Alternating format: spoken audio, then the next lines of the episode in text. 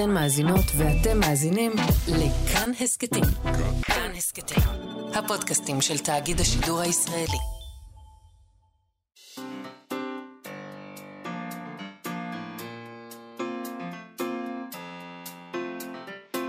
מה שכרוך עם יובל אביבי ומה יעשה לה. שלום, צהריים טובים, אנחנו מה שכרוך, מגזין הספרות היומי של כאן תרבות, אתם מאזינים לנו ב-104.9 או ב-105.3 FM. אפשר להאזין לנו גם כהסכת, באתר, באפליקציה של כאן, בכל יישומוני ההסכתים. איתי אשת הוא המפיק שלנו, על הביצוע הטכני שלו, שרון לרנר, שלום לשניכם, שלום מה יעשה לה. שלום יובל, אז תקשיב, אנחנו נדבר היום על ספר יפהפה, חדש, שנקרא הודעתו של נידון למוות. הוא יצא עכשיו בתשע נשמות, כתב אותו אה, דניאל ארטובסקי. גיבור הנובלה הזאת אה, מתוודה, אה, הוא אדם בשם ז'אן, הוא פריזאי, הוא עשה כמה מעשים נוראים למדי, הוא מתוודה עליהם עכשיו, הוא מספר את תולדות חייו האפלוליים, והוא כותב ממש נפלא, ארטובסקי. עוד מעט נתהה על קנקנו של הסופר החדש הזה. רוצה לשמוע קצת כן, מהספר? בבקשה נקרא תקראי. לי. אני רוצה לשמוע, הקהל רוצה לשמוע. המאזינים והמאזינות תשמעו בבקשה. מה אנחנו כל כך מתלהבים. פרנץ הרופא שותק ומפטיר באיזה תירוץ עלוב נוסף. לא שמעתי את דבריו בגלל התקפה פתאומית של הכאב שפילח את רכותיי בפתאומיות. המשכתי להקשות עליו. דוקטור, אתה לא חושב שהבדידות, יש לה יד בדבר? אני יודע שאין זה אינטליגנטי מספיק לשאול, ואין הדבר מופיע בספרי הרפואה המכובדים. אך האינטואיציה מכריחה אותי לשאול אותך, דוקטור נכבד, האם הבדידות אינה תופעה עלובה שמעליבה את הבריות, הופכת אותם למסכנים, לכאובים בכל גופם? למה אתה שותק, דוקטור? עלה הביט בי במבט חצי מופתע, חצי מבוהל, ואמר, אם תרצה, אני יכול להפנות אותך לקולגה שלי, דוקטור מייקל רוזנשטיין. הוא פסיכיאטר מעולה. יש לו גם המלצות טובות. קטעתי אותו בבוז. אינני צריך המלצה. אני זקוק לתרופה. אני לא חושב שאדם יוכל לרפא אותי ממה שפוגע בי. אולי אני לא זקוק כלל לרופא, אלא למישהו עם פצע דומה. אתה, אין לך שום פצע, רואים לך את זה על הפנים. אתה נראה כמו אדם שבטנו מלאה רק בדברים טובים. ממך לא תבוא הישועה. טרקתי את הדלת בחצי כעס, חצי אכזבה. שמעתי צעקה קלושה מעברי. התשלום לא מדויק, ידידי. לא התייחסתי אליה. רק חשבתי על כך שהחיים כואבים וגם תמיד ממשיכים. שתי עובדות כואבות באותה מידה. החיים כואבים. החיים. כואבים וגם תמיד ממשיכים. זה נכון. זה לא תמיד הם תמיד ממשיכים, אבל בסדר. אה, אנחנו נדבר איתו עוד מעט על כל העניין הזה. נדבר גם עם צור שייזף שלנו על עוד ספר מסע, אבל אנחנו מתחילים עם סקר שעשו בישראל היום על הרגלי הקריאה שלנו בשנת 2023. הם באו להרים ככה לקראת סוף השנה, את תחילת השנה הראשונה החדשה. אנחנו, זה לא עניין של הערים, אנחנו רוצים להכיר את עצמנו. כן. אז בואו נכיר את עצמנו, בואו נראה מה עולה מהסקר הזה. למשל, עולה שרק 14% מהישראלים קוראים ספרים. זה לא הרבה. 14 אחוזים. רוב הישראלים, 67 אחוזים, אומרים שהיו רוצים לקרוא יותר אם היה להם זמן, אבל אין להם זמן. אולי כי ב-48 אחוזים, אה, 48 אחוזים מהם צופים בטלוויזיה ורואים סרטים. שלדעתי זה אומר שהם צופים בטלוויזיה, אבל הם אומרים שהם גם רואים סרטים, זה נכון. נכון? אה, אבל יש. שם גם 30 אחוזים שעושים ספורט, שלושה אחוזים שנחים. שלושה אחוזים של לא, נחים. שלושה עשר, סליחה, אה, שלושה עשר. מה זה, זה כאילו פעילות פנאי? רציתי לקרוא ספר, אבל החלטתי אני לנוח. דווקא מעריכה את הנכים, כי מה זה אומר? שהם לא צריכים, כמו רובנו, שיהיה להם משהו מול העיניים כל הזמן. אה, הם יכולים פשוט לשבת ולבהות ולהרהר. וזה חושבת... יפה, וזה נקרא נכים. אגב, אני לא רואה כאן, אה, למשל, אה, טיק טוק וכל מיני כאלה דברים. טלפון אין פה, כן. נכון. טלפון אין פה. אני שואל את עצמי, האם ה-13 אחוזים שנחים הם כמו, ה... הם כמו אלה שקוראים ספרים? יש אחוז נכבד שהיה רוצה לנוח יותר, אבל אין לו זמן? למה אין סקר נכים? טוב, מה עוד? מה שם? עוד? אה, 52 אחוזים מהישראלים קראו עד חמישה ספרים השנה. מהמם. 13 אחוזים קראו יותר מ-20 ספרים. 52 אחוזים מהישראלים קראו עד חמישה ספרים השנה. בלי ביקורת, פה- בלי ביקורת, יובל, זה רגע, העובדות. לא, כן? רגע. כן, כן. וזה... אה, אה, כתוב פה ספר עד חמישה ספרים, זאת אומרת, זה לא אפס. אבל רק, אה, רק 14 אחוזים מהישראלים קוראים ספרים, אני לא מבין, אתה לא, לא מתיישב. מתוכם, מתוכם, 52 אחוזים קוראים ספר עד חמישה, אה, אבל מה שאני מתוך חייבת... 14. נכון. אבל מה שאני חייבת כאן ברובריקה הזאת, זה שארבעה אחוזים לא זוכרים או לא, ולא, או לא בטוחים בכמה ספרים הם קראו? כמה הם קראו. כי הם קראו המון. אה, הם פשוט קראו המון, הם קוראים איזה עשרה ספרים שבוע, יש אנשים כאלה. מי הם? אוקיי. מה אה, עוד? 39 אחוזים מהקוראים הפחיתו את תדירות הקריאה במלחמה. רק 39? אנחנו מכירים את זה. אז זה מפתיע אותי שזה רק 39, כי אני לא מכיר כמעט אף אחד ש... מהסביבה שלי, ש... של אנשים קוראים, כולם אמרו שהם... אה, זה... יש אצלי איזה- 14 אחוזים שקוראים יותר במלחמה. מדהים, אז הם לא בסביבה להם. שלך, הם לא. לא, הם לא לידך. רחוקים. אוקיי. אה, 39 אחוזים מהישראלים, זה נתון אה, מאוד מעניין בעיניי, מאוד, מאוד. לא יקראו ספר של סופרים בעלי דעה פוליטית מנוגדת לשלהם. וואו. שזה נורא ואיום. זה נורא ואיום. מצער. אבל כמעט- אנחנו כאלה, זה, זה אנשים כמונו. זה כמעט חצי מהישראלים. זה מה שאנחנו. טוב, אוקיי. אמ, אה, ספרות מקור. כן, אה, יותר מחצי מהקוראים, 57 אחוזים, קראו ספר של סופר ישראלי בשנה האחרונה, וצריך להגיד מה המשמעות של זה, שמתוך האנשים שקוראים כאן, מהמם, 43 אחוזים לא קוראים ספרות ספרות מקור יש- בכלל. נכון. כן. זה הנתון. ושאלו אותם גם מה הסיבות שבגללם הם לא לא קוראים קוראים, למה הם לא קוראים סופרים ישראלים. אז מתוך אלה שלא קוראים ספרות מקור, 36 אחוזים מהם לא מעוניינים, או לא מתחברים. למה ככה? זו התשובה, ככה. למה אתם לא קוראים ספרות מקור? כי אני לא רוצה לקרוא ספרות מקור. כי לא בא לי. ו-32 אחוזים לא יצא להם. אה. מה זה לא יצא לכם? לא התלבש לא- להם. אתה לא מכיר את זה? לא- לא התלבש לי. נו. ניסיתי, אבל יודעים, לא יצא לי. אה, התכוונתי ללכת לדואר, אבל לא יצא. אבל יש 16 אחוזים שאומרים שזאת ספרות פחות איכותית. נכון. בוא נשים לב אליהם. 16 אחוז לא מכירים בכלל. מה זאת אומרת? כאילו, הם חיים בישראל והם לא יש מכירים... 7 אחוזים שאמרו שיש להם קושי למצוא המלצות. אנחנו פה ואני בשבילכם. רוצה לדעת למה אתם לא מאזינים לרדיו, למה. שכרוך, מה עובר עליכם. יש פה 8 אחוזים שאומרים שאין להם כסף או זמן לקרוא ספרות מקור. זה משהו אחר. אנשים שאומרים להם אין כסף, אה, שאומרים אין כסף, זה דבר אחר מבחינתי. אין כסף אבל יש להם כסף וזמן לקרוא ספרות אולי זה יותר זול, כן, מתורגמת? כן, כן, אולי זה יותר זול. טוב, אה, איך הם קונים את הספרים שלהם? הישראלים, הם אומרים, מעדיפים את החנות הפיזית. הם מעדיפים, אה, הם מעדיפים לקנות ספרים בחנויות, ולא, וקניית הספרים אונליין לא ממריאה. 33 אחוזים קונים בחנויות, 24 אחוזים מנויים בספרייה, מהמם. שזה נתון יפה, אני נחמד, חושב. כן. כמעט רבע מהישראלים. אה, 15 אחוזים בלבד קונים באינטרנט, 12 אחוזים שואלים מחברים, ו-5 אחוזים בלבד קונים יד שנייה. לא רק קניית הספרים אונליין לא ממריאה, שוק האודיו לא ממריא. רק אחוז מהקוראים מתעניינים בספרי אודיו. לא יודעת, כי יש עשרה אחוזים שאומרים שהם לא יודעים או תלוי. תלוי במה. אני לא יודעת, לא יודעים איך הם מעדיפים. אני לא יודעת. אני, אני חושדת בסקרים האלה, אני לא, מצטערת. אבל מי ששומע ספר אודיו יודע שהוא שמע ספר אודיו. אולי זה, את אומרת, זה כמו אלה שלא יודעים כמה הם קראו. הם זוכרים שהם אה, קראו את אה, החטא ועונשו, הם פשוט לא יודעים אם זה היה טקסט, דיגיטלי, אודיו. הם קראו את מישהו קרא להם את זה. או... במקור, רוסית, או כן. תרגום ל- ל- לסווהילית אולי, לא יודע. אוקיי, הז'אנר המועדף על הישראלים, זה ודאי אה, מעניין אותך? מתח.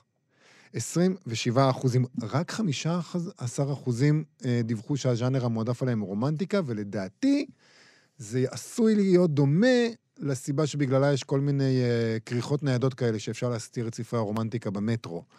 אנשים לא... אה, הם מתפתחים לקרוא, מה פתאום? כן. די, לא, אנחנו כבר לא, לא בזמן. הזה. אתה. כשאתה אומר רומנטיקה, אתה מדבר על ספרות אירוטית בעצם. זה מה שאתה אומר פה בעצם. למה עוד את חושבת שהכוונה כאן? רומנטיקה ואירוטיקה זה לא אותו דבר. ביקום המסוים שאני חיה בו בכל אופן. בחיים זה לא אותו דבר. כן, בספרות, בספרות זה פחות או יותר אותה סוגה. אוקיי. בספרות, בחיים זה יכול להיות אותו דבר, אם זה אחלה, אבל זה יכול להיות נפרד לחלוטין. אה, תשמעי, תשעה אחוזים. תשעה אחוזים. או, או, בוא נדבר על התשעה אחוזים. זה מדהים, דברי. בגלל זה אני אומרת שאני לא מאמינה בסקרים. תשעה אחוזים הם- הם אה, מעדיפים שירה. וואו. איפה הם? איפה אתם? באמת, תתגלו בפנינו. תשעה אחוזים אוהבים שירה, מדהים. זה מוזר. אה, אחוז אחד רק מהאנשים אוהבים פנטזיה או מדע בדיוני. שזה גם מדהים. נו, באמת. מה, כל הילדים האלה שקוראים הארי פוטר, איפה הם? אני לא אולי, יודעת, אולי לא. הסקר הוא מ-18 ומעלה. אז... גם אם זה בש- מ-18 ומעלה, אני לא קונה את זה. מה זה? זה, זה אנשים שאומרים... כל האנשים האלה שלא התוודו על הפנטזיה, מדע בדיוני, אלה השמונה אחוזים שאומרים פרוזה. כי אני, הם אומרים, אני אוהב ספרות יפה. אה, הכל פה זה עניין של אה, אגו בעצם, איך אתה מגדיר את הספרות, כדי ש... מה יחשבו תארי לעצמך עליך. שמתקשרים אלייך ואומרים לך, אני Mm. רוצה לעשות סקר על ספרות. לא היית מנסה לצאת האיש, האישה, סליחה, לא, הכי... לא. לא הייתי מנסה לצאת האישה הכי. אני הייתי אומר שאני לא רוצה לענות על אתה, השאלה. אתה היית מנסה לצאת האיש הכי. אני הייתי. יוצא האיש הכי אה, כן. באופן טבעי. אבל לא, זהו, היית מתאמץ. אבל אה, מי שמעדיפים רומנטיקה ופרוזה, אה, קוראים יותר. אה, שזה ברור למה, נכון? כי מי שמעדיפים, מי שמעדיפים רומנטיקה ופרוזה זה נשים. אני אומרת את זה. אוקיי. ולכן, ונשים קוראות יותר, את זה אנחנו יודעים כבר, נכון? אוקיי. אז אה, את אומרת שגברים אוהבים ביוגרפיות ולכן אף אחד לא קורא ביוגרפיות. גברים לא קוראים, הם לא יודעת מה, אתם עושים בעצם? משחקים כדורגל? מלחמה. Mm, נכון? אתם עסוקים. אנחנו עסוקים בלהרוג איש את רעהו. יפה. אמ, יש ו- מהפך, הם מכריזים. גם על מהפך, אחרי. שנים של העדפת פרוזה, אה, אה, פרוזה אהבת קרס, הם כותבים, כ-41 אחוזים מסכימים במידה כלשהי שהם מעדיפים לקרוא ספרים או סיפורים קצרים על פני ספרים ארוכים. אנחנו רואים את זה. אנחנו נכון. רואים את זה. הספרים בישראל יותר ויותר אה, קצרים, וזה מדהים, כי התפיסה השלטת כאן הייתה בקרב תעשיית המו"לות, הייתה שהישראלים לא אוהבים אנתולוגיות של סיפורים קצרים, קבצים של סיפורים קצרים, הם לא אוהבים, הם רוצים רומנים.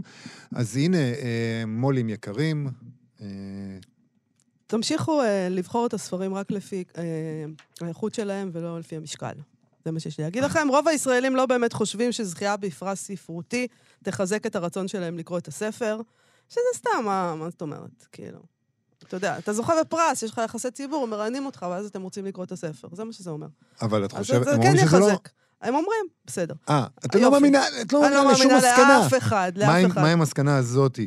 61 ישראלים, כן? 61 אחוזים. 61, כן, לא ישראלים. מתוך 100 ישראלים. 61 מתוך 100, זה מה שגם... 61 אחוזים מהישראלים, למרות שהם לא קוראים, הם מסכימים במידה כלשהי שספר הוא מתנה נהדרת לחברים או לקרובי משפחה. הם אומרים, אני לא אוהב לקרוא. אבל אה, מוישה, אבל יש הוא אה, ארבע ימות במאה, על זה שאני. אקנה לו עכשיו את הספר בסדר, החדש. טוב. אתה מבין למה אני מפקפקת בסקרים? אה, יש גם 14% מהישראלים, לסיום, שהיו רוצים ללכת לסדנת כתיבה, או לכתוב ספר. אם אתם רוצים לכתוב ספר, מה שאתם צריכים לעשות במקום סדנת כתיבה, זה לקרוא. זה לקרוא ספר. ולא פלא, 14 אחוזים מהישראלים שהיו רוצים לכ- ללכת לסדנת כתיבה או לכתוב ספר, זהים ל-14 אחוזים שקוראים ספרים לפי הסקר הזה. הם יודעים. אה, אתה חושב שזה זה אותה- אותם אותם 14 אחוזים אנשים. בדיוק. הם אומרים לעצמם, מה אני יכול לעשות כדי לכתוב אני יותר מקבלת טוב? חלק מהספרים, ואני רוצה להגיד שאני לא בטוחה במסקנה אין הזאת. חפיפה מוחלטת, את אומרת. אין חפיפה מוחלטת, לא. אוקיי, בסדר. אה, האמת, סקר אה, מדכדך. מה שכרוך בכאן תרבות, חזרנו. אה, ספר חדש ונפלא, אני מעיזה לומר, יצא בימים האחרונים בהוצאת תשע נשמות, הוא נקרא הודעתו של נידון למוות, כתב אותו דניאל ארטובסקי, זאת נובלה, נובלת ביקורים, מפתיעה. וידוי של גבר שעשה מעשים נוראיים, אה, טקסט על בדידות, על אכזריות, על ילדות, על אופל. אה, חשבתי, אולי נקרא את הפתיחה. כן, תקראי לנו. אני אדם חולה, חולה מאוד. כעת אני סוחט את טיפת כוחי האחרונה לקולמוס וכותב את ההודעה. ההודעה שלי על המעשה הנוראי שעשיתי. החום הגבוה מפלח את רכותיי, מכה בי. טיפת זיעה מתגלגלת ומלכלכת את הדף הלבן והיפה, הופכת אותו לשקוף, רך, פגיע, קריע. הדף מתמסר לי, נותן לי לשפוך עליו את יגוני. אחיזתי הופכת לקשיחה בקולמוס. אני לא מרפה. אני כותב במהירות למען לא אשכח. למען לא תגבר עליי חולשת הגוף, למען לא יכבו נהרות ליבי. לא אספר דברים שלא היו, שכן כל מטרת הרשימות הללו ונאמנותן נתונה אל העבר. מעולם לא ייחסתי לעצמי מידה כה רבה של חשיבות, כדי שאתפתה לכתוב את סיפור חיי לזרים גמורים. הכתיבה היא תרופתי היחידה, המזור לפצעיי, והידיעה שאחרים יקראו את הודעתי אינו מסב, לי אלא תענוג שטחי בלבד. זו רק הפסקה הראשונה. דניאל ארטובסקי כתב, אה, אומרים לנו, מספר ספרי עיון קודם לכן בתחום המיסטיקה והקבלה, הודעתו של אה, הנידון הוא ספרו הרביעי, הנובלה הקצרה הראשונה שכתב. אה, הוא לומד בתוכנית ה-MA בהיסטוריה באוניברסיטת תל אביב. בואו נכיר אותו, שלום דניאל ארטובסקי. שלום מאיה, שלום יובל, מה. שלומכם? בסדר גמור. דניאל, מאיפה באה הנובלה הזאת, המפתיעה, הודעתו של נידון למוות? אמ, מאיפה היא באה, זה קשה לומר. כתבתי אותה בתקופת הקורונה, בשיא. אה, אני בעצמי הייתי במצב בריאותי מזעזע, אם אפשר לומר, והוא לא נכתב בהתחלה כספר. זה היה סיפור שפשוט הייתי חייב להוציא אותו. סיפור אמיתי. להיפטר ממנו, כן. Mm-hmm. זה פשוט, כן, אין דרך אחרת להגיד את זה. ובוא נאמר שכתיבה, בשבילי, מה שהייתי רגיל אליה היא יותר אה, משהו שאתה רואה ואתה מנסה לספר עליו, משהו מאוד אקדמי. אה, זה מה שהתנסיתי בו בעבר, והחוויה הזאת הייתה כואבת בשבילי בסיפור הזה. כאילו... הכתיבה של הספר הזה, של, אה, כן, של הודעתו כן. של נדון למוות, למה כואבת? כן. אה, כואבת כי לא כתבתי לאחרים, כתבתי אותו לעצמי. Mm-hmm. עד הרגע האחרון, עד שתי העמודים האחרונים באמת כתבתי לעצמי, לא בשביל לפרסם. ממש כאילו, אני מת מחר. ואת האמת שאני מבקש שיתפסו אליו כאילו אין לו מחבר, כאילו המחבר אה, באמת אה, מת. אה, גם הגיבור שלך קצת כועס על הקוראים. הוא אומר להם, מה אתם מציצים לי בכלל? מה אתם, באיזה זכות אתם קוראים את הספר שכתבתי לכם? כן, הוא שונא את ההנאה שאנשים מפיקים מהקריאה, ויש לו הרבה ביקורת על הספרות ועל אומנים בכלל. ובמובן הזה הוא מבטא משהו אולי שאתה חש, גם לפי מה שאמרת לנו uh, מקודם? אמ, אוקיי, זה משהו שלא חשבתי עליו, אבל uh, יש, יש מצב, כן, יש מצב שקשה לי מאוד uh, למצוא טקסטים שאני מאוד מתחבר אליהם, ואם כן, זה טקסטים שבאמת אפשר להרגיש שהבן אדם שכתב אותם הוא uh, ירק דם, מה שנקרא, ו... וזהו, כן. מה, איזה טקסטים למשל, כאלה שאתה כן, כן אוהב אותם, וכן אתה אמ, רואה שירקו שם דם? אז אה, בוא נגיד שזה לא סוד, ואפשר לראות, מה... אם קראת, כאילו, אני מניח שקראתם את הספר. נכון. ראינו, יש שם, יש, אנחנו נגיד שיש שם הרבה התייחסויות לספרות בספר כן. הזה.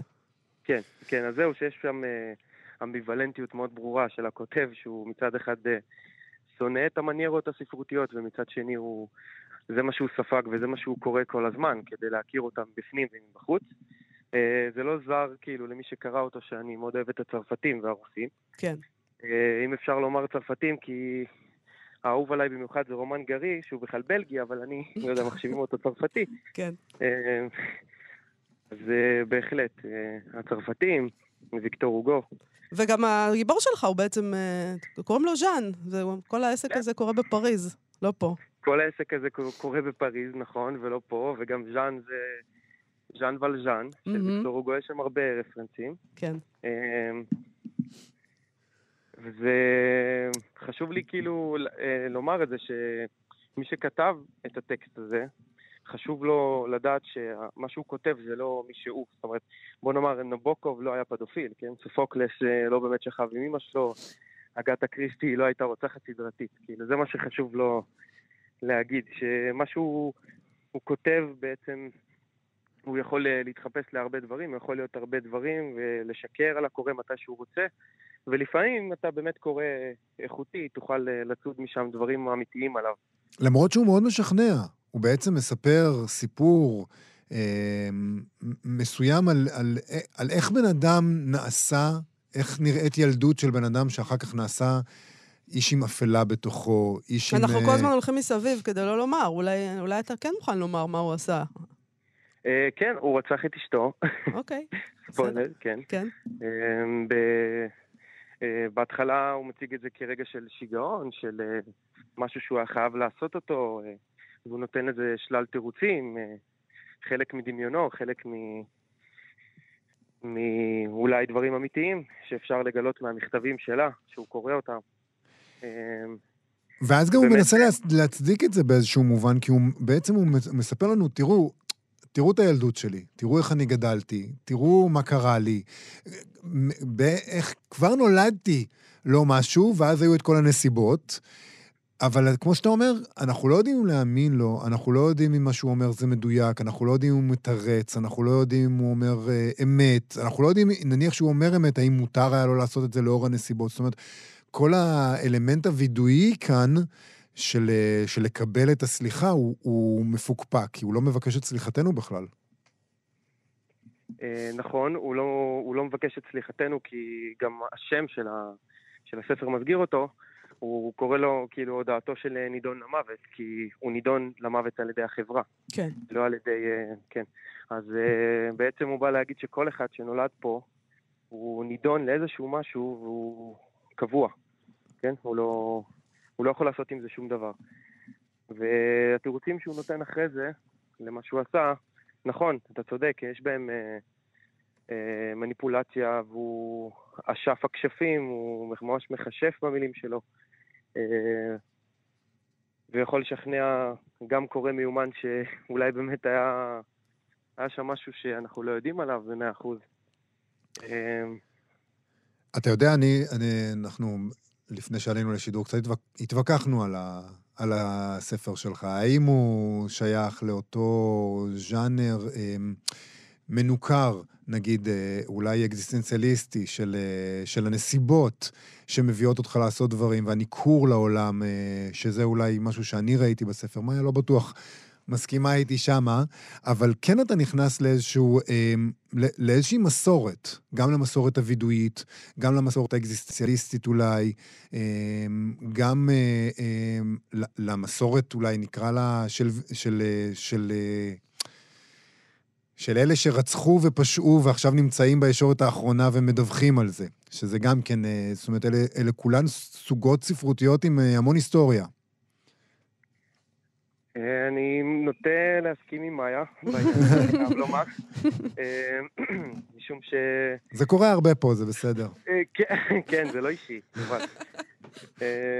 פשוט, כמו שאמרתי בהתחלה, אני באמת רוצה ש... שלא יתייחסו לטקסט הזה כאילו כחד משמעי, ומה שאני הולך להגיד עכשיו זה, זה, זה, זה, זה הקריאה היחידה שיש לטקסט הזה. ברור שכל אחד יראה את זה בצורה שונה, אבל אה, כשאתה אומר אקזיסטנציאליסטים, וכן, אה, אי אפשר לברוח מזה שם, כן? הבן אדם אה, חי על... כל יום חי כאילו... הוא פשוט רוצה להתנתק מכולם מסביבו, להיכנס לקליפה שלו ולברוח, והוא פשוט לא מתאים לסביבה שלו, והסביבה שלו מנוכרת אליו. ו... ואולי, אולי הכתיבה בשבילו היא גם זלזול מסוים במה שהוא עשה או בקורא גם, וגם משהו שהוא פשוט חייב לעשות אותו. כדי להצדיק את מה שהוא עשה, יש לו מין דיסוננס בין אה, איך שחינכו אותו וגידלו אותו, אה, להיות ילד טוב וללכת ל, אה, ללמוד בגימנסיה, ו, ובמיוחד בתקופה ההיא, אה, כן, שזה היה מאוד אה, מקובל. ו... ולקבור את הציפור. כן, בדיוק, mm-hmm. כן, בדיוק. ואחרי כל זה לבוא ו... ולעשות משהו שהוא לא... שהוא מטורף בשבילו. בוא נדבר על כן. מיסטיקה קצת, אה, כי בואי. אני רואה שאתה כתבת ספרי מיסטיקה, מה, מה זה אומר? למה עסקת במיסטיקה? אמ, באיזה אופן עסקת בזה? אוקיי, אה, אולי המונח מיסטיקה לא בדיוק אה, מדויק. הייתי בבחור ישיבה, בישיבת חב"ד בירושלים, תורת אמת. אה, שם מגיל אה, ממש צעיר מאוד אהבתי את, ה... את אה, תחום הקבלה והחסידות והזוהר. ועוד כשהייתי ממש צעיר אהבתי מאוד מאוד לסכם מושגים, להסביר אותם גם לחברים שהיו איתי על ספסל הלימודים וגם לערוך סיכומים בשביל המורים. ובאיזשהו מקום עשיתי, תשמעי, זה היה לפני 15 שנה, זה היה מאוד תקדימי בזמנו, לעשות מין כמו ויקיפדיה, כמו מין הסבר על כל מושג, כי כשפותחים את הספרים הקשים האלה, כמו הזוהר, לא באמת אה, יודעים אה, ארמית, לא באמת יודעים אה, הפנ... כאילו הפניות למושגים קשים, אז בעצם עשיתי כמו פרויקט של... אבל זה היה מיועד לחברים שלך, תלמידי הישיבות, או לנו, לחילונים? לא, לא. לא, לא, כן, ממש לא לחילונים. Mm. הייתי דתי בזמנו, כן. ממש לא חשבתי אי פעם שזה יעניין מישהו חילוני. כן. למרות שתתפלאי, כאילו זה נמכר בעיקר בחוץ. כן, זה מעניין אותנו גם, הדברים האלה. אבל אולי זה מעניין אותנו באופן אחר מאשר תלמידי ישיבות, לא? נכון, נכון, ודאי. אה, עכשיו, בטח מעניין אותך לדעת מה הקשר בין זה למה שכתבתי עכשיו, כי זה אה, נראה... כי יש המון נצרות בספר הזה, פשוט. אה, נכון, נכון. יש המון נצרות בספר הזה. בוא נאמר שזו כתיבה אחרת מכל מה שהייתי רגיל אליה, הייתי רגיל לכתוב אקדמאי, לכתוב אה, מוכוון מטרה, לדעת מה אני קם בבוקר, מה אני כותב, מה אני... אה, איך, באיזה סדר לכתוב. ועכשיו זה היה כתיבה שהיא לעצמי, כתיבה שהיא כמו לכתוב חלומות, מה שנקרא, לתת לה... למילים להדריך אותי. אבל. למה ז'אן, לא, נגיד, לא היה יהודי במקרה? למה, למה חשוב לך שהוא יהיה נוצרי? יש שם גם יהדות, יש שם... כן, כן, בסדר, נכון. לא, אז זהו, ש... שהיה חשוב לי ממש לקראת הסוף להגיד משהו קטן, אה, כאילו לכתוב בספר משהו קטן על הביוגרפיה שלו, שבעצם חיתכו אותו וגידלו אותו כאדם שהוא חצי נוצרי וחצי, וגם יהודי, זאת אומרת ההורים הסתירו ממנו את השורשים היהודיים שלו בעצם, הם התנצרו. Mm-hmm. אז, אז שיהיה לו גם את שתיהם. כי בעצם אה, אני, אני, אני רואה את זה ככה, ששתי הדתות האלה, הם, אה, יש להם אבא אחד. והם לא מסכימים על הרבה דברים, אבל הם... אה, גם ישו היה יהודי, ו... אבל אתה יודע, אם, אם נחזור רגע למה שמאיה הזכירה מקודם, על ה... היא אמרה, לקבור את הציפור, אולי נסביר את זה נסביר רגע. את אבל... זה לקוראים, אה, זה קטע מתחילת הספר, שבו כילד הם, הם מוצאים, הוא וחבריו בגינת המשחקים, ציפור מתה, וכל הילדים רוצים לקבור אותה ולהיפרד ממנה, והוא, אני, שוב, אני לא רוצה לעשות ספוילרים, אבל נגיד את זה, הוא רוצה, הוא חושב על לאכול אותה. הוא בא לאמא שלו עם הציפור המתה, ואומר, בואו נכין אותה. בואו נכין אותה לאבא, אבא אוהב כנפיים. כן. עכשיו, במובנים מסוימים זה מזעזע, אבל במובנים אחרים זה כמובן מאוד מאוד הגיוני. למה זה מחשבה שיכולה להיות הגיונית לילד. כן, אוכלים תרנגולת, אז למה לא ציפור? בדיוק, וזה חבל שיתקלקל. זה יותר הגיוני מאשר לבזבז את זה ולשים על זה עוד גוויות של פרחים, כמו שהוא אה, אומר את זה אחר כך. נכון. למה, כבר בזבזתם את הציפור, למה אתם הורגים גם את הפרחים? אבל אני רוצה רגע לחבר את זה למה שאמרת על יהדות ונצרות, שהוא מגיע עם המטען הזה, ואז שמים עליו בתור ילד את המטען של הנצרות והיהדות, אולי לא במישרין, אבל כן באיזושהי תחושה של מוסריות. שגם אותה, אולי הוא, אולי אתה, מאשימים אחר כך בתולדה של, בהשלכות של הדברים. מוסריות אה, אה, קשוחה, ילדות קשה, שהופכת אותך למאוד מאוד מודע לצורך הזה, להיות מוסרי, עד כדי אה, התנגדות לאינסטינקטים הטבעיים שלך בתור ילד, ואז יוצא איזה מין... אישיות כלאיים כזאת, מעוותת, שלא יודעת מה נכון ומה לא נכון, או כן יודעת מה נכון ולא נכון, אבל זה לא הנכון והלא נכון שלנו. אה, עכשיו נזכרתי שלא הייתי הרבה זמן אצל פסיכואנליטיקאי.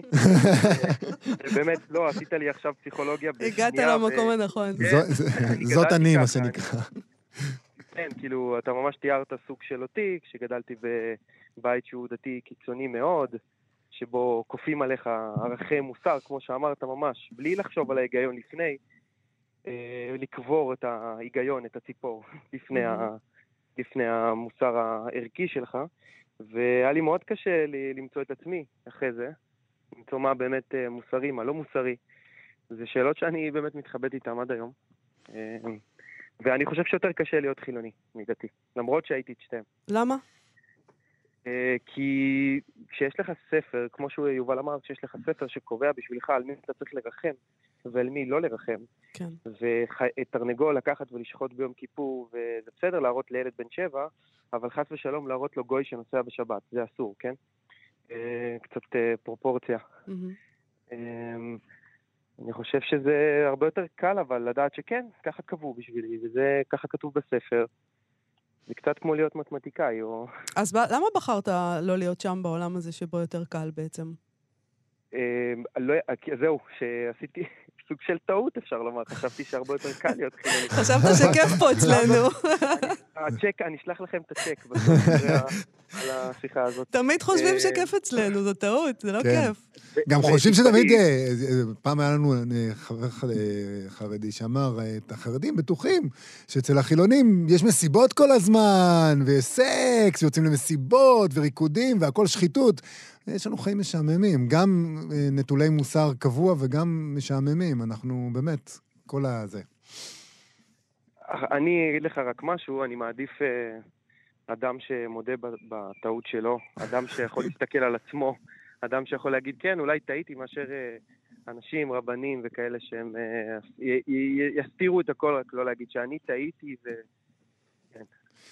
בכל מקרה, מהטעות הזאת לפחות יצא, אה, יצא הספר הזה, נכון? הודעתו נכון, של הנידון נכון. למוות, דניאל ארטובסקי. של נידון למוות, לא של- ה. של נידון למוות. זה בלי הידיעה, אני בלי אוהבת את זה. הידיעה, הודעתו נכון של. נידון למוות. דניאל ארטובסקי, תודה רבה לך על השיחה הזאת. תודה לכם. להתראות. להתראות. להתראות.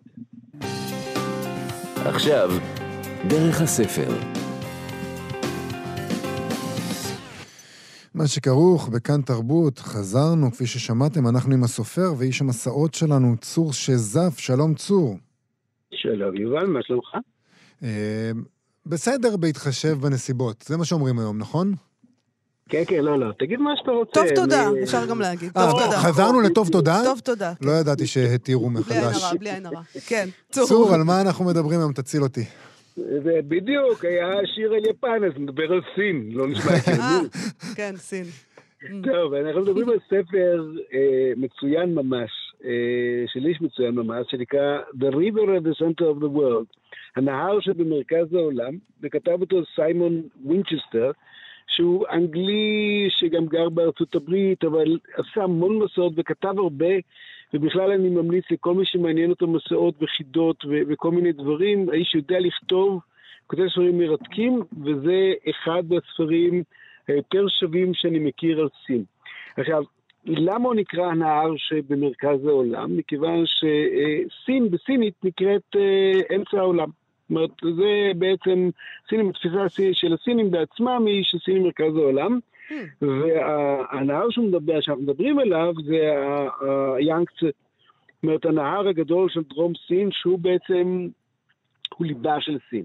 הוא ליבה של סין מהרבה, מהרבה מאוד אה, אה, כיוונים ומהרבה מאוד אפשרויות, גם כי הנהר הזה מתחיל בהימאליה ליד לאסה, כמו הרבה נהרות גדולים באסיה, הרמה הטיבטית היא המקור של רוב הנהרות הגדולים של אסיה, וכמובן אה, גם של סין.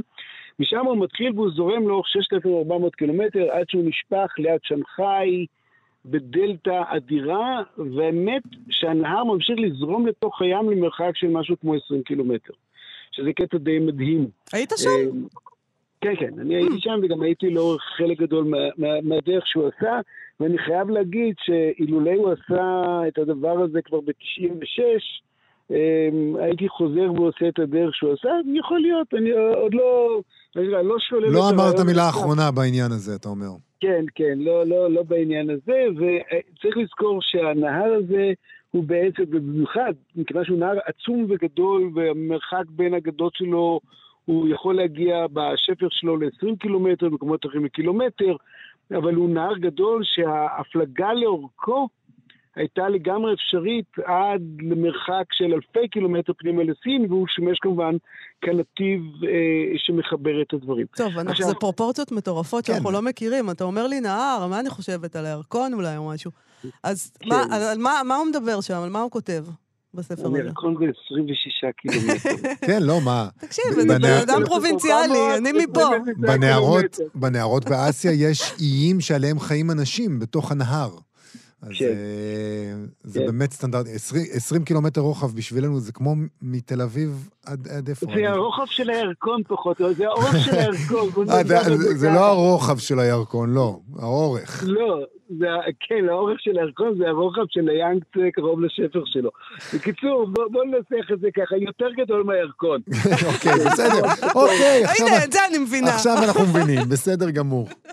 כן, עכשיו צריך לזכור ששנגחאי זה קרוב לוודאי, נדמה לי שזה הנמל הכי גדול בעולם והכי עסוק בעולם, זה בסך הכל עיר שמתפתחת מהמאה ה-19 והלאה, ואחת הסיבות שהיא מתפתחת, וזה אחד הסיפורים היפים אה, שסיימון ריצ'סון מביא בספר שלו, זה בגלל הסחר הגדול של שני מוצרים, אחד תה והשני אופיום, ושניהם סוג של טעות, ו- ותכף אנחנו נעבור על כל הדבר הזה, כי זה אחד הסיפורים הכי משעשעים שמובאים בספר. מתישהו, כמובן, הסוחרים מתחילים להגיע לתוך סין. כלומר, אנחנו מכירים את מרקו פולו, שגם כן הגיע, הוא לא היה בשנגחאי, אבל הוא היה ליד, בהאנגז'ו, וגם זה הסתובב לאורך היאנגצה. אבל מתישהו במאה ה-17, הסוחרים מתחילים להביא איתם אה, אה, תה לאנגליה.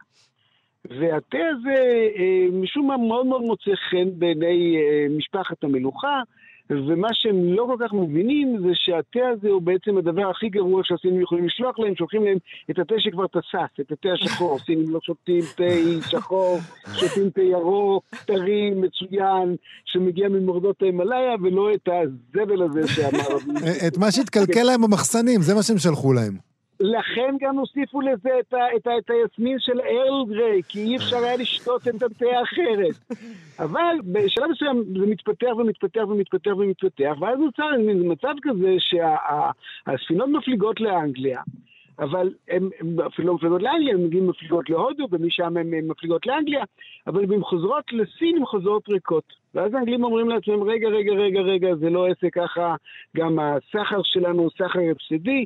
ואז הם מתחילים לגדל אופיום בהודו. והם ממלאים את, את הבלט של הספינות, ממלאים אותו באופיום, ומובילים אותו לסין, וכמובן חודרים לאורך הים קצה פנימה לתוך uh, סין, ומפזרים ככה את האופיום לכל האורך, וממכרים את סין. לא שאופיום לא היה בלתי ידוע בסין, אבל כמובן שהבריטים משווקים אותו בכל הכוח.